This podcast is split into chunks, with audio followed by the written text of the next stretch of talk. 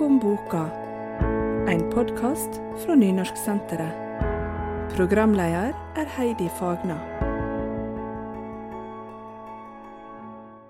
Store kjensler, realisme og surrealisme, og bøttevis med humor og tøys. Velkommen tilbake om boka, Ingunn Thon. Tusen takk. Du er kjent som programleder og dokkespiller fra NRK Super, der du er stemma til høna Turi og lammet Perla. Det er en del av introduksjonen. Det må med. Ja, det må med. Det, jeg setter veldig pris på at de blir nevnt uh, her nå. ja, våre små venner. Ja. Men du er jo med her i oss fordi du òg er forfatter. Um, du har gitt ut to bøker, begge for barn. Mm. 'Ollis' og 'Full bajas'. Uh, og vi skal snakke om de begge to, selvsagt. Mm. Først så vil jeg bare teste. Kan du si hva 'Ollis' er en forkortelse for? Ja, det er veldig bra. Oda, Lise, Louise, Inger, Sonja. L-L-I-S. Det hørtes rett ut. Klarer du å si det tre ganger på rad? Oda, Lise, Louise, Inger, Sonja. Oda, Lise, Louise, Inger, Sonja. Oda, Lise, Louise, Inger, Sonja. Ti Oh! poeng, du har bestått. Yes. Veldig bra. kan, kan du lese litt fra den boka? På ja. andre avsnitt på side fem. Ja, det kan jeg. Skal vi se. Bare finne fram her. OK. Ollis er ti år og kan ikke sove med lukka dør eller hoppe fra huskefart. Men hun kan bygge om en hjulvisp til ei tannbørstemaskin, så det har hun gjort. En sånn liten mikser med to visper, sveiv og tannhjul. Vispene er kobla fra og bytter ut med tannbørster. En må selvsagt sveive på håndtaket, men når han gjør det, snurrer tannbørstene som propeller og pusser tennene glatte både framom og bak. Til og med skoletannlegen er imponert. Alice hun er ei kreativ og kul ti år gammel jente. Som akkurat har fått en veslebror og har fått en stefar med på kjøpet. Eh, hun lurer på hvor det ble av faren hennes, som mora bare omtaler som en som var. Eh, og i en mystisk gul postkasse i skogen dukker det opp et postkort som setter fart på letinga etter faren. Hvordan kom du på kimen til denne boka? Altså Når du forteller om det sånn, så høres det ut som, et, som en graut. Et sammensurium av det meste. Men nei, sånn det hele oppsto, det var egentlig med den gule postkassa. Fordi jeg, eh, var såpass heldig at jeg blei kontakta av Samlaget. Der bare spurte meg har du noen gang tenkt på å skrive ei bok, har du lyst til å prøve det? Som altså for ei gavepakke. Og inni meg så tenkte jeg Nei, det har jeg aldri tenkt på. Eh, Nei, det kan jeg ikke gjøre, fordi det har jeg aldri tenkt på. Mens når jeg får sånne flotte spørsmål, så jeg tenkte OK, jeg kan jo prøve. Så det ble jo egentlig til at jeg bare måtte liksom sette meg ned sånn OK, har jeg noen ideer? Nei. Liksom, jeg har jo aldri tenkt på å skrive bok. Så jeg brukte kanskje et par måneder på å liksom prøve å tvinge fram noe, men det ble liksom aldri noe som jeg kjente liksom det bobla videre på. Uh, før jeg en dag satt på bussen, det er jo sånn ideer oppstår, ut av det blå. Og så bare kom den der gule postkassa til meg, og, og da var det sånn OK, det er gul postkasse, hvor er den? Den er i skogen. Hvorfor er den i skogen? Hvorfor står det postkasse der? Kommer posten oppi? Nei, den kommer unnafra og opp. Veldig rart. Men bare sånn, da var jeg begynt å boble på. Så da var det bare huks, huks, huks, huks, huks helt til jeg kom hjem til kjæresten min og sa sånn Jeg må ha penn og papir! Fort, jeg må ha penn og papir! Ikke prat med meg! Ikke prat med meg! Og så måtte jeg bare rable ned på en måte all info som jeg hadde om den postkassa der og da. Og så egentlig så vokste historia ut fra postkassa. OK, ja. Ja. Så, sånn var det. sånn var det. Ja. Ja, Og så ringte du Samlaget og sa nå har jeg en gul postkasse. På ingen måte. For det, jeg har skjønt at det gjør jo folk, eh, eller ekte forfattere, som jeg kaller de ekte forfatterne, som gjør dette med viten og vilje. Eh, De kan være sånn 'Å, her er en idé. Ja, denne tror jeg på. Jeg prøver det.' Og så prøver de litt, og så 'Nei, kanskje det ikke gikk', eller 'Ja, kanskje det går'. Eller, de er liksom så avslappa på det, føler jeg. Mens jeg var helt sånn 'Dette må jeg ikke si til noen før jeg kan bevise at det er ei heil historie'. Så jeg sa det ikke til noen. Jeg bare satt med mi gule postkasse, og etter kort mi Ollis og mi Gro og alle sammen, til eh, liksom hadde en slags gang i Ja. historia. Og Ollis hun er så gjennomarbeid gjennomarbeidet og, og troverdig som person at jeg tenkte Oi, egentlig at helt koselig. hadde begynt med henne. Ja, så fint at du Åh, for det føltes nesten sånn at i starten at det bare tvang fram de karakterene. Men så plutselig, som dette har jeg også hørt ekte forfattere si, men at på et tidspunkt så bare Så er det ikke jeg som finner deg på lenger.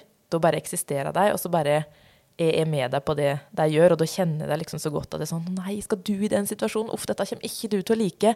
Og så bare mm, ja, er deg, istedenfor at det føles som jeg tvinga det fram. Da. Det, men det var veldig koselig å høre at det kjennes ekte. Det kan nå hende at det var det derre eh, Hva heter det? Imposter syndrome.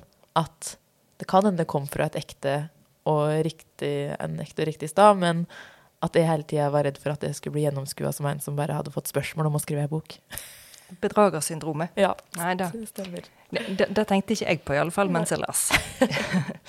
du, det er mye som går i ball for Ålis Ja. eh, i relasjon til andre mennesker. Mm. Eh, så når du først hadde fått en troverdig person, så måtte jo allting bli vanskelig for henne her. Ja, det stemmer. I tur og orden, da. Ja. Eh, hun savner faren, som aldri har vært der. Mm. Eh, hun savner mora, som er der, men som ikke er like tilgjengelig som før. Mm. Hun syns det er vanskelig å plutselig få en stefar, og det blir òg krøll på tråden med venninna Gro. Ja.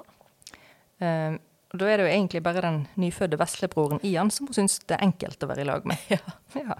Hvorfor, eh, hvorfor må det være så mye vanskelig rundt disse hovedpersonene? Det var jo på en måte det øh, Når du først på en måte hadde funnet deg hva skal skje og sånn, øh, helt sånn i den spede start, så måtte du jo være Men hva er det jeg vil si? Hva er det skal handle om? Eh, ikke bare eh, hva skal historien handle om, men hva er det jeg vil fortelle? Eller ta opp? Og da tenker jo Eller jeg, jeg syns det er en litt sånn typisk utsagn å si sånn Å, alt er så lett når du er liten, alt er så lett når du er unge. Men så er det sånn, nei, alt er jo vanskelig. De tinga som vi i dag på en måte skjønner sånn Å ja, nå ble det litt flau fordi nå skjedde sånn og sånn, men ja ja, det er greit. Eller å, nå ble det litt rart mellom meg og jeg vet ikke, venninna mi eller meg og bror min eller hva som helst. Men ja, jeg får bare ringe han og si ah, du, det ble litt rart. Mens alle de tinga som man opplever for første gang når man er barn, blir jo bare En har ikke verktøy for å på en måte håndtere det.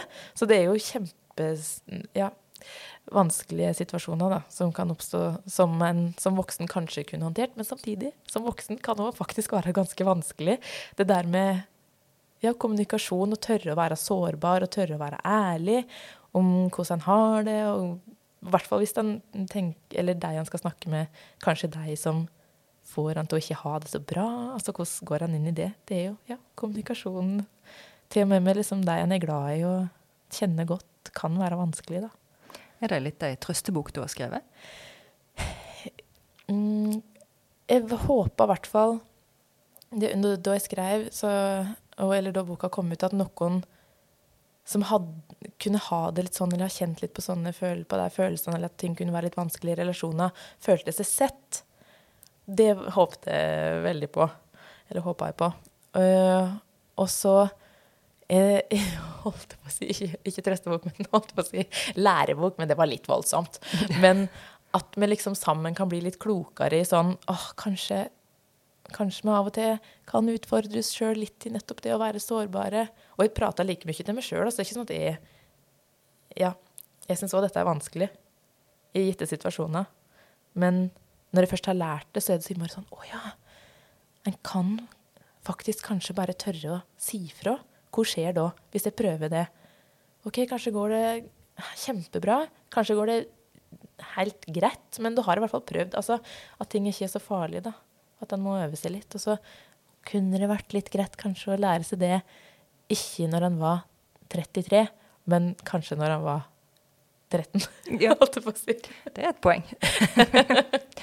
Nå er det gått noen år siden denne boka kom. Mm. Hva eh, respons har du fått av ungene? Eh, vet du hva? Eh, veldig forskjellig. Jeg har, ikke, jeg har fått faktisk mest respons fra voksne. Altså at de har kosa seg i lag med ungene sine med å lese henne. Eh, og det er kjempefint. Og så har jeg fått noen sånne helt som for meg bare står som sånne gull... Å, hva skal jeg si? Eh, ja, som i hvert fall har trykka veldig til hjertet. Som er sånn at jeg har fått- et brev. Fordi brev er jo eh, veldig essensielt holdt jeg på å si, i Ollis. Så da var det ei jente som hadde skrevet et brev om hvor viktig Ollis hadde vært for henne, hvor fin den var. Jeg har fått eh, en melding via en tysk far som skulle melde fra sin datter at sånn, denne boka har hun lest 20 ganger, og øh, hun liksom Ja, den, den, er som liksom en venn for henne, som Å, liksom akkurat det jeg ville at Ja, hun har åpenbart følt seg sett, da, ved å ha lest den boka. Så det er mer sånn noen få, men veldig Ja, som sagt, veldig Har vært viktige og varmende for meg. Ja, det skjønner jeg godt. Ja.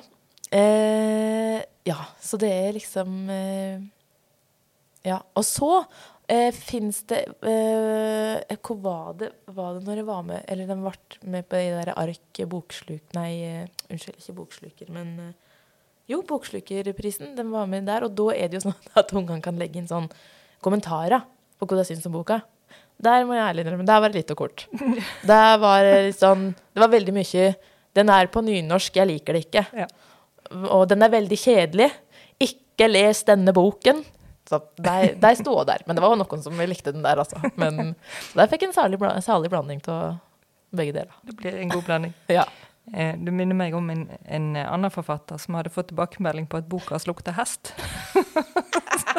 det var ikke en bok om hest, så det var faktisk bare at boka rent fysisk lukta hest. og det var liksom forfatteren sin feil. Den er vi lei. um, anmelderne var jo begeistra ja. for Ollis. Sjelden sjarmerende barnebok, skrev Dagbladet.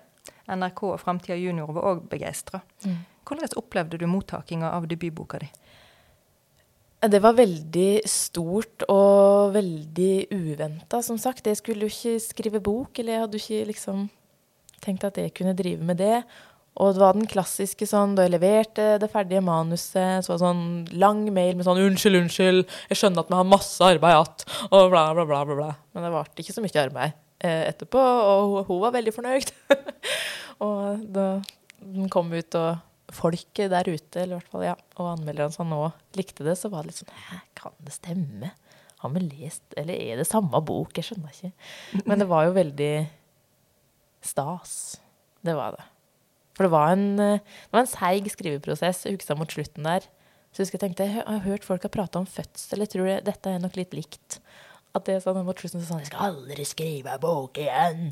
Når den hadde kommet ut. Mens når anmeldelsene begynte å komme, og sånn, så var det sånn 'Å ja, var det litt gøy allikevel?' ja. ja. tid har du føde. Var det likt? Uh, ja, det er absolutt uh, Det kan absolutt sammenlignes. ja. Det er liksom sånn I starten så er det litt sånn Ja, det er tungt, liksom, men, men du jobber på, og det går greit. Og så jo nærmere, nærmere du kommer Nå skal jeg være ferdig, jo verre blir det. Og jo mer har jeg lyst til å bare gi opp. Jeg gidder ikke. Dette blir ikke noe av. Ha det på badet. Ja, jeg har drevet på i tre år, men nei. Eller ja, jeg driver på i tre døgn. Mm -hmm. eh, nå gidder jeg ikke mer. Ja. Mm, putt den i natt. Eller slutt. Stopp. Men uh, så kommer den ut, og da er det sånn Ha! Se her! Se hva jeg laga! Se hva du har laga. Ja. Bra. Hvor fort bestemte du at det måtte bli en nummer to? Ja, det tok uh, lang tid, og jeg følte Sånn er det faktisk litt med unger òg. At jeg fikk spørsmålet liksom dagen etter den hadde kommet ut. Ollis var det sånn Ja, når skal, driver du med noe nytt? Er det noen, men, men, herlighet, da! Når jeg driver på skal vi, Nei, jeg driver ikke med noe nytt. Så eh, jeg måtte liksom Såpass eh, heftig var den eh, prosessen at, at jeg begynte nok ikke å tenke på det engang før et par år etterpå. Og da var det sånn Når skal en få tid? Det var jo ikke dette Jeg jobba jo egentlig i NRK på det tidspunktet. Så ja, vanskelig å sette av tid. Og du hadde fått en unge, første unge nå. Så ja, nei. Men uh, da begynte jeg liksom så smått å tenke på det, da. Så ja. Prøvde litt hit og dit. Så, så etter hvert så, så, begynte det å skje ting. Ja. Hvor hen begynte eh, bok nummer to, 'Full bajas'? Ja, hvor begynte den? Det var nok i et sånn at jeg var redd for at uh, samlaget skulle slå opp med meg. så var sånn, nå må bare vise deg at jeg, at jeg, har ting på gang. Så jeg tror jeg lagde fem forskjellige pitcher på måte på forskjellige bøker. Og så pitcha jeg det. Og så uh, var min da nye redaktør eh, fatta interesse for denne, og så merka nok hun òg at jeg òg eh, hadde litt sånn det, Ja, det var akkurat da så var det den jeg syns virka gøyest å begynne å skrive på. Fordi det andre var på en måte nærmere Ollis i stemning. Mens dette var jo Her var målet å tulle. Jeg skulle tulle. Ungene skulle få tull. Og på den tida i livet mitt, ja, akkurat da så passa det med best. Og så skjønte nok hun det. Men hun sa det faktisk ikke. Men når når jeg prater om det nå, så tenker jeg ok, hun las nok med litt òg der. Så da bare, ja, hva gikk vi for den? Godt valg. Bakom boka. En podkast fra Nynorsksenteret. Du, du skriver med en fandenivoldskhet som kan minne om Maria Parr, skrev NRK om debutboka di. Ja, Eh, og det ble jo ikke mindre fandenivoldskhet i nummer to. det stemmer. I Full bajas der møter man Orion Sigerstad, som hele livet har vært pertentlig og perfekt. Han har aldri brukt viskelæret sitt, for han har aldri skrevet feil. Og han har drøssevis med medaljer og utmerkinger, og han er vant til å sole seg i glansen av alle prestasjonene sine. Men læreren kaster uten å vite det sjøl en forbannelse over han, som setter kroppen i krig med hjernen. Ja. Plutselig blir han helt bajas til sin egen store fortviling. Kan du lese litt fra kapittel ti? Der han nettopp har mista kontrollen, og den uvitende gymlæreren ber den ekstremt dyktige Orion eh, vise fram rytmisk sportsgymnastikk. ja. Som jeg forresten, og litt synd, har lært at heter rytmisk gymnastikk nå. Ja, Ja, så det burde jeg ha visst, men det visste jeg ikke. men, men da skrev du feil i boka, så sa jeg feil på podden, så da er det 1-1, og da visker ut hverandre. Åh, nydelig, nydelig. Skal vi se. Hadde det vært en vanlig dag, hadde Orion elska dette. Virkelig elska. Men i dag er fokus det siste han trenger. Hjernen sier nei, men kroppen sier ja. Eller det han sier er ball! Så krøller Orion seg sammen det rundeste han kan, og begynner å rulle rundt på gulvet. Det er klønete og rart og går veldig sakte. Han krasjer inn i noen av medelevene sine, så resten vil å trekke seg litt unna. Kroppen ruller videre bort til gymlæreren og stopper, stopper ved føttene hennes. Så spretter han opp. Yes, sjef! Sjefen sjøl! Jeg er klar! Sjeflig sjef! roper han og smiler sitt stolteste smil, slike som han vanligvis helt tatt for å verke audmjuk. Ja, ser gymlæreren og fisker fram telefonen sin. «Eh, Hva for musikk vil du ha? Orion lager en opprørt grimase, som om, han, nei, som om hun har fornærma han. Musikk? Jeg vil ha absolutt tystnad, vet jeg. Jeg er svensk, ni kan kalle meg Olle. Flytta på rumporna. Tre, to, inn, nå begynner jeg. Ja. oh, det er jo sånn, eh, du, du drar oss inn i noe som en ikke er klar til å avslutte, vet du. Kanskje vi heller skulle bare lest inn ei hel lydbok. Ja, kanskje bare skulle gjort det. Jeg har lest disse bøkene dine i lag med niåringen min, Ja. eh, og han ler helt rått av disse her heilsprø tingene som kroppen til Orion gjør etter han er blitt bajas. Å, det gjør meg så glad. Mitt mål er oppnådd. Ja. Eh, I kapittel 17 der er det noen setninger som jeg måtte lese så mange ganger at han lærte det utenat, for han syntes det var så gøy. Hvor var det? Ja, han Orion han vil takke den voksne mannen Konrad for et tilbud, eh, men det som han planlegger inni hodet sitt, det er ikke helt det som kommer ut. Nei. Kan du lese akkurat da? Det, Det er på side 97. Ja. Orion burde sjølsagt ikke prøve å hive seg med på høflighetsfraser som takking, men han handler på refleks. Han skal til å si 'kjære Konrad', men det han sier er 'ko-ko, Konrad'. Ko-ko. Kjære Koko. Kokkeli munke, klin kokos, fullkomne klin kokosmajor, takk for alt! Og så avslutter han med å rekke tunge. Hva, er det som, eh, som skjer når det er sånn fest inni hjernen din at du klarer å lage noe sånt? Jeg tror det bare er det at jeg bare ikke sier stopp til meg sjøl. Jeg bare stoppa ikke meg sjøl. Jeg bare let alt komme. Alle sånne assosiasjoner som kan liksom henge seg på. Vanligvis så vil jeg si sånn Ja, eh, artig det, Ingunn, men, men nå må vi eh, spole tilbake, kanskje tre hakk. Og der kan vi være når vi skriver. Mens nå har det vært sånn spol framover, bare kjør på, kjør på. Og så får vi se. Eh, Det ser kanskje ikke sånn ut, men jeg har redigert i den boka her òg, altså. Du har jeg har faktisk det. Men jeg har bare ja, latt, eh, latt hjernen ha fest. Ja, Mm. det, det, det er helt tydelig. Um, jeg lurer på, Har du hatt noen unge testlesere til boka? Nei, jeg hadde planer om det. Og så bare skjedde det ikke. Det er jo litt sånn typisk uh, at alt går litt for fort mot slutten, liksom. Da har han plutselig dårlig tid, samme hvor liksom, god tid han syns han har sett seg. Eh, fordi jeg gjorde det Eller jeg besøkte eh, ei skole med Ollis før den kom ut, med bare manuset, bare for å liksom sjekke. Og det var helt sånn Å, fy flate, dette skal jeg alltid gjøre før jeg liksom sier nå er manuset ferdig. Fordi det bare, det bare ga så mye, og de hadde Du bare så hvor de reagerte, hvor de tenkte på, hvilke spørsmål de hadde etterpå. Så ja, ja, jeg hadde planer om det, men eh, det ble det ikke. Men det vitner jo om en, eh, en flott sjøltillit, når en klarer å skrive helt, sprø ting, og så gi det ut. Det var en slags sånn stup og skyt, og håpe at, eh, at det blir tatt imot eh, sånn som vi håpa, ja. Hvordan har uh, mottakinga vært? Du, denne gangen, apropos det du spurte om i stad, om uh, hva ungene syns. Denne gangen har jeg jo fått eh, 95 tilbakemelding fra ungene. Uh, og så fem fra de voksne. Men uh, det har bare vært uh, så gøy. Og jeg får, sånn som du gjorde nå, for det der elsker jeg. Jeg får helt sånne konkrete meldinger fra voksne da, på vegne av sine unger. Om sånn 'Dette ler vi av'. Her datt det og det mennesket ut av senga av latterkrampe fordi det var så gøy. Når det sto sånn, bla, bla, bla. Ja, og så videre og så videre. Eh, Så det ja, altså, Å, det er eufori i meg da. Og det, det at jeg liksom må ta seg tid til sånn Nettopp sånn som du gjorde nå, helt konkret. Hva er det som funka? Fordi noen ganger tenker sånn Men Ingunn, du er for rar. Dette er bare gøy for det. Dette kommer ingen unger til å le av. Eller er det for voksen humor? Det er jo et parti der, der jeg på en måte eh, refererer til Det er eh, veldig mange som kaller seg sjøl for Norges Toskana og sånn. Jeg tulla litt med det der. Men til og med det fins det en unge der ute som ler griner av. Og det gjør meg jo veldig, veldig glad. Ja, akkurat det har jeg ikke notert meg, men det var vel at eh, Toskana var Italias Hadeland? Var det det du skrev? Eh, ja. Ja, stemmer. jeg snudde om på det, fordi jeg tror kanskje Hadeland på et tidspunkt har kalt seg sjøl Norges Toskana. Det er sikkert Toskana kjempestolt av. Men, men oppi alt tøyset som er i boka, så er det jo òg en veldig tydelig eh, budskap. Med Ja. litt al- mer alvorlige ting. Eh, du trenger ikke prestere for å være bra nok. Mm. Var det det som var eh, utgangspunktet?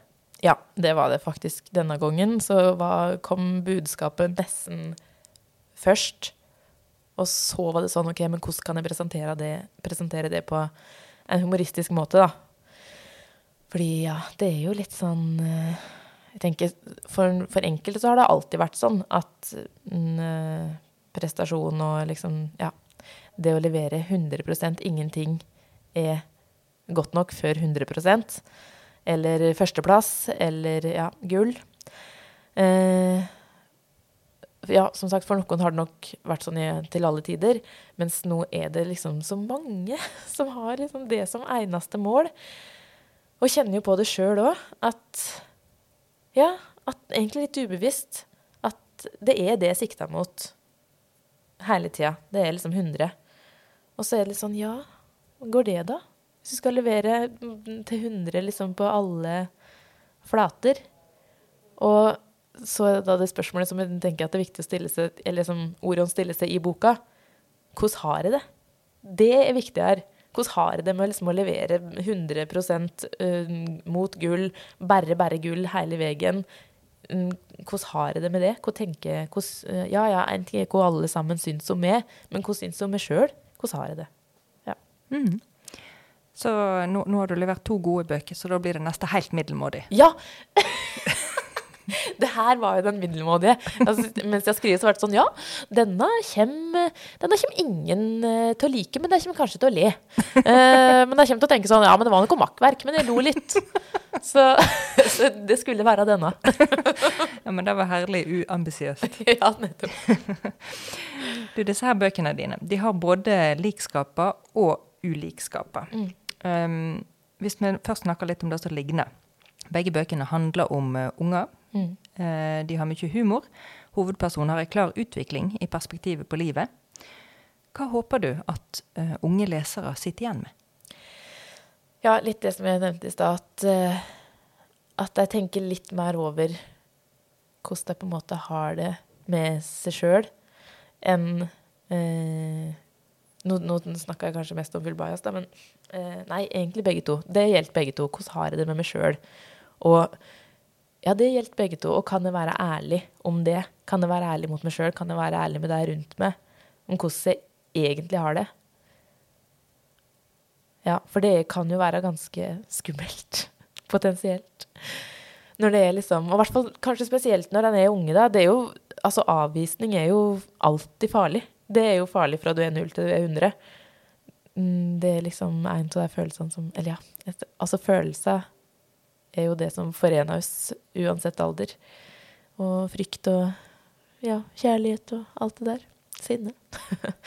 men eh, Men eh, Nei, unnskyld, hvor var det, hvor var det jeg sa? At de mm, Ja, å tørre å lytte til seg sjøl og være ærlig. At det uh, kan være skummelt, men at, at det kan gi en skikkelig, skikkelig god gevinst hvis de tør å prøve. Så det er kanskje det, da. Um, har du en tanke om hva vi voksne skal sitte igjen med òg? Det er jo det samme. Ja. Det er jo akkurat det. Det er veldig mange som spør meg sånn OK, um, du skriver for unger, har du tenkt å skrive for voksne noen gang? Og, men unger så er det liksom begrensa hva du kan skrive om, eller du kan jo ikke dra det sånn og sånn langt, og kan du skrive om døden for unger? Folk stiller så mange sånne rare spørsmål som er sånn Ja, selv, ja selvfølgelig. Eller eh, i mitt hode så er det jo ikke noen forskjell. Og jeg bare syns det får det bekrefta gang på gang nå etter å ha fått unger. Vi er jo søren meg bare helt like. Det bare handler om at de følelsene og de tinga, eh, eller det vi kjenner på, blir eh, trigga, eller hva skal jeg si, aktivert av forskjellige ting. De tinga som aktiverte oss som unger, har vi liksom noe nå vent oss til, og det er ikke det som Det at vi ikke får is akkurat når vi vil, gjør oss ikke rabiate. Men kanskje noe annet som blir holdt fra oss, som vi ønsker oss, men som ikke får gjøres litt rabiate likevel, sjøl om vi er voksne. Vi er jo helt like. Men kanskje lærte oss litt mer å regulere følelsene våre som voksne. Men vi har det fortsatt. Og det er fortsatt ting som kan virkelig smelle deg i taket. Det har jeg jo erfart som mor til to.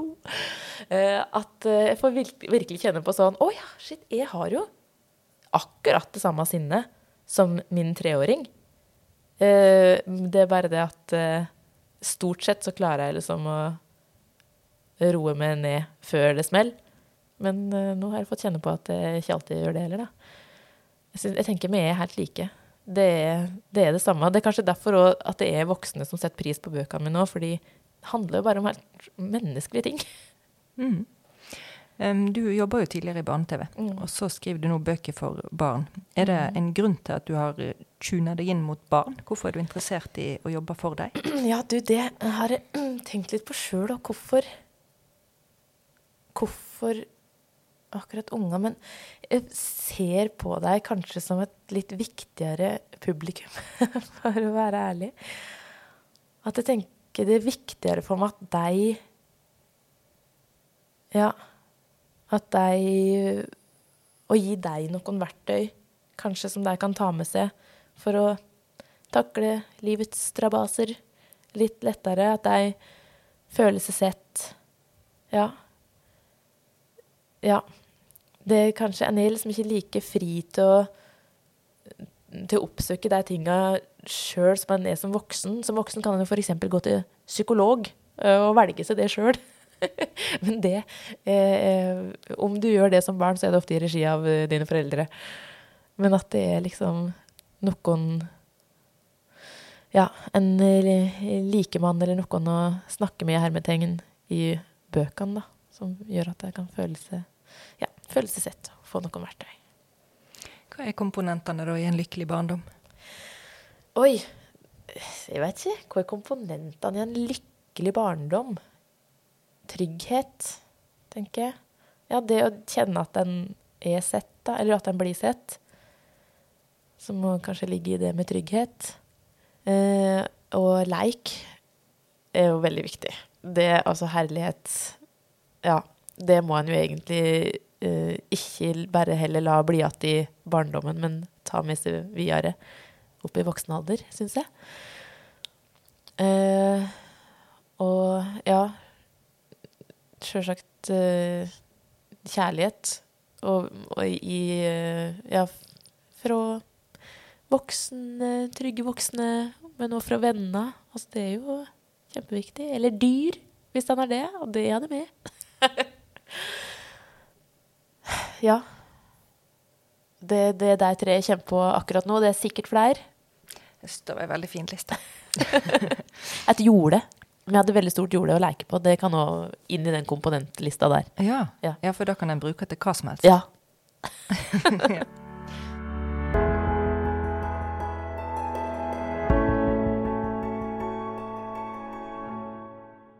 Der er òg eh, en liten eller stor dose galskap involvert i bøkene dine. Ja. Hvorfor trenger vi det? ja det, da kommer det vel det med leik igjen, tror jeg. Da tenker jeg det gir så mye, og det hører ikke bare til i barndommen. Det er kanskje lett å tenke at det, det er deres greie. Men eh, det, alt blir jo lettere hvis man bare kan ta det med, med seg videre. Og for meg så er vel den galskapen du refererer til i mine bøker, da, er jo mer det For meg så er det leik. Ja.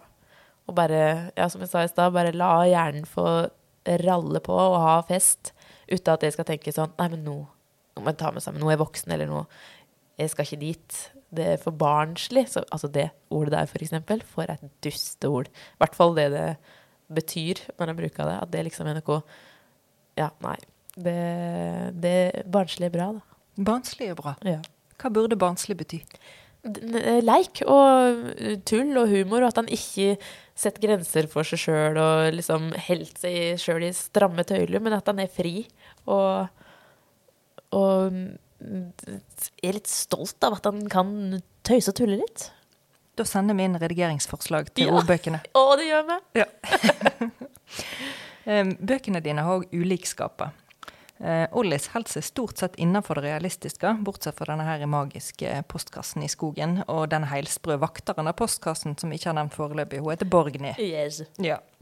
Eh, det er mye mer av det urealistiske i eh, Full bajas. Mm. Hva stil har du inntrykk av at ungene setter mest pris på? Jeg tror uh, unge er som voksne. Jeg tror jeg liker helt forskjellige ting.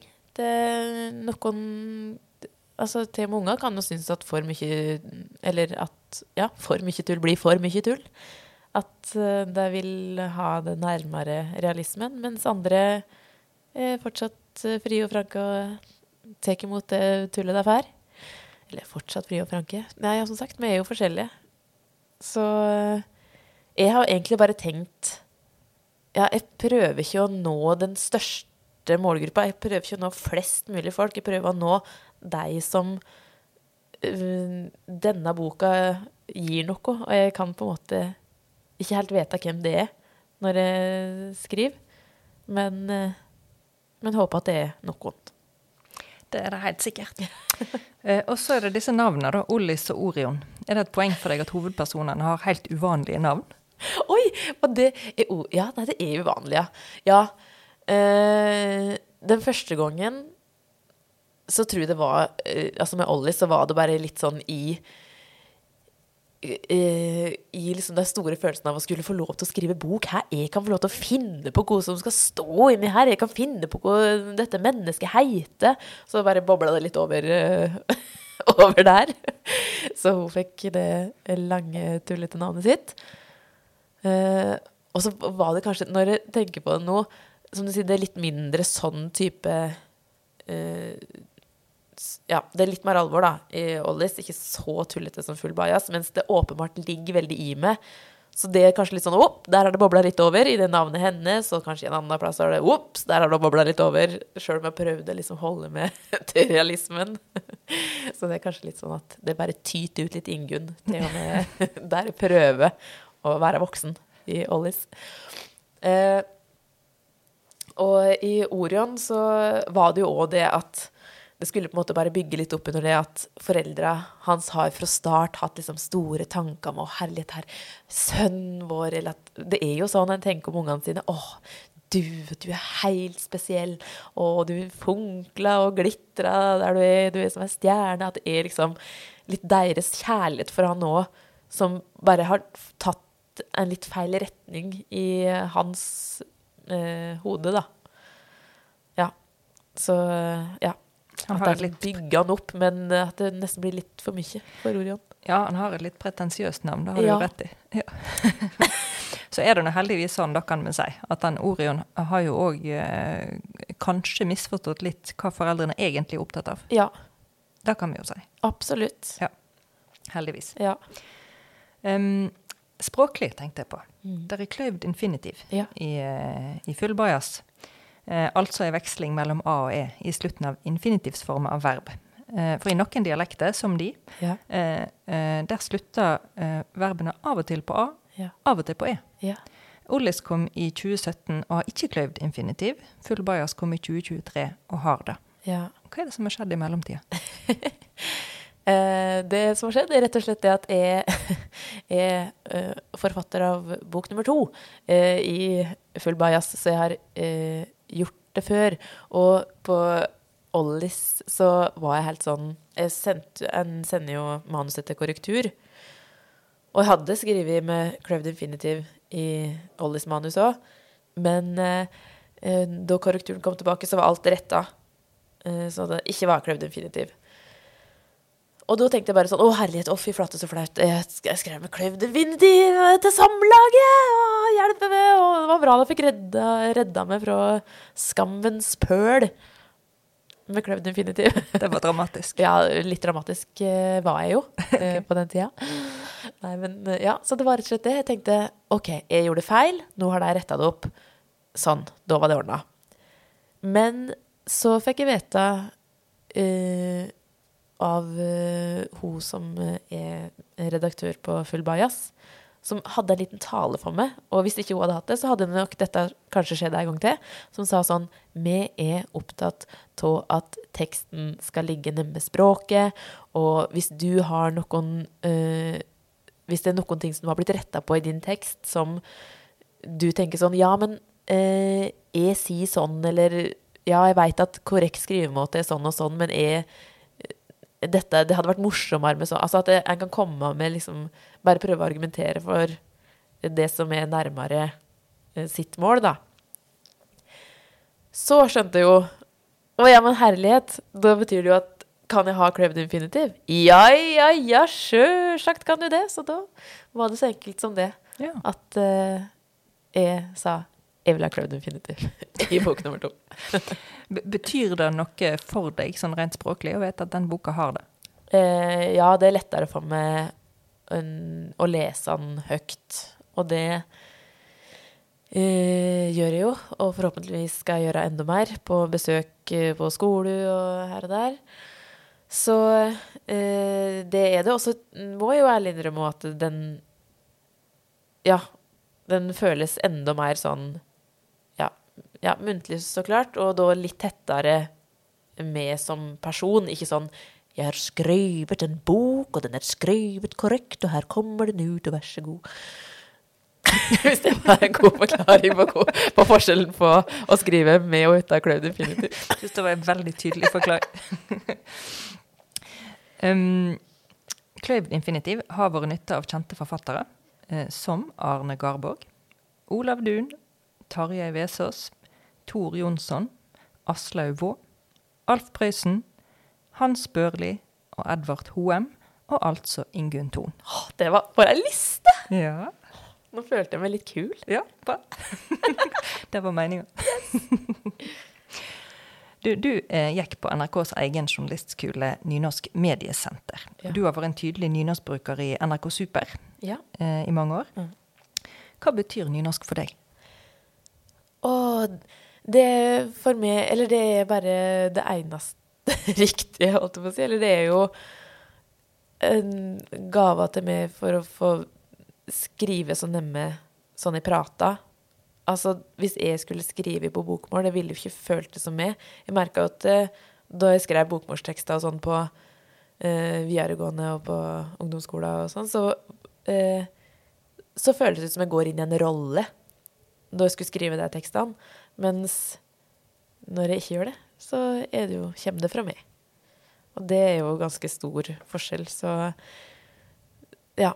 Så for meg så Så ville det eh, kjentes falskt, på en måte, hvis jeg skulle bare tatt på meg et annet språk. Jeg merka det når jeg leser nynorsk òg. Hvis jeg har lest mye bokmål en periode, og så plutselig så tar jeg opp en nynorsk bok, så kjenner jeg med en gang, bare den første setninga, sånn Åh, denne boka, den prata til meg. Dette er noen som prata rett til meg. Og det er jo godt et slags hemmelig språk for oss med nynorsk nærme Nei, nær dialekt. Ja. Kunne du tenkt deg å gitt ut ei bok på bokmål? Nei. Aldri. Som sagt. Det ville Eller nei, jeg kunne ikke tenkt meg det. Hvis jeg, noen hadde tvinga meg til det, så hadde vel det òg gått. Men nei. Vil jo skrive på det målet som er mitt. Og så nettopp derfor, og fordi jeg har satt pris på helt fra barndommen til å, å eh, lese nynorskbøker. Så tenker jeg det skal jo jadde med de ungene som har nynorsk som hovedmål, få lov til å kjenne på deg òg. Det er jo Ja, det er godt å kjenne når noe er skrevet til deg på ditt språk. Du eh, vokste opp i, Ål i Hallingdal Mm. eh, på 80- og 90-tallet. Hvordan var det å være nynorskbruker der, da? Kjempelett. Det var jo Alle var det. Men det var vel eller, eller alle var ikke det. Det er jo det som er rart. Her, det er veldig gøy at jeg sier at alle var det, for det var det på ingen måte når jeg tenker meg om nå. Men det var nynorsk kommune, så alle tekster og på en måte alle skilt og måte, alt var jo nynorsk rundt meg. Men, eh, men nei, faktisk, hvordan var det? I hvert fall da jeg begynte på videregående, så var vi tre som brukte nynorsk, som hadde nynorsk som hovedmål. Tre igjen, bare. Ja. Så da var vi på en måte spesielle. Men da blir han jo òg Da blir han jo sånn forkjemper. Denne grei, vi tre står i bresjen, aldri i livet. Huksa at norsklæreren min, fordi jeg var litt sånn Jeg har ikke vært sånn kjempegod på skolen. Jeg har ikke vært sånn sekserelev, for å si det sånn. Så på et tidspunkt så eh, fikk jeg tilbakemelding etter å ha skrevet en stil eh, fra norsklæreren min. Kanskje du burde bytte til bokmål, fordi jeg tydeligvis hadde slurva, da. Men skriver kanskje ja, ikke så normert nynorsk. Men det ble heller eh, rakett i ræva, holdt jeg på å si, på å bare bli enda bedre på en rett skrivemåte på nynorsk. Bare fy flate, aldri i verden. Det høres ut som en sånn fanatiker, men det er jo Nei, nynorsk, det er det jeg skal skrive. Jo, men en blir jo tvinga inn i en eller annen rolle når det ikke er så mange igjen. Ja. Hvi- hvi- Hvis det er mange nynorskbrukere der, så, så er det jo bare et språk. Ja. Eh, også når det er veldig få. Ja. Da, da, da blir en jo virkelig tvinga til å ta et valg og, og jobbe for det. Yes. Da er det standpunkt, da er det sak, liksom. Ja. En siste ting. ja. Hva burde alle mennesker vite om livet? Å nei, men i alle dager Et lite spørsmål på tampen. Bare et bitte knøttlite hvor det alle Ja. Jeg har på en måte Åh, Hvor burde man vite om livet? OK, jeg har én ting som jeg hadde som mantra for meg sjøl gjennom 20-åra.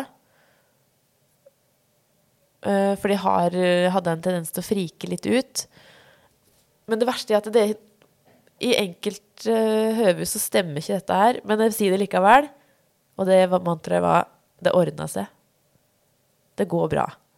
Det løser seg. Ting som på en måte føles ja, uoverkommelig, eller uh, en står i en situasjon en ikke vil være i, eller en får ikke tak i det en ønska seg, eller hva som helst.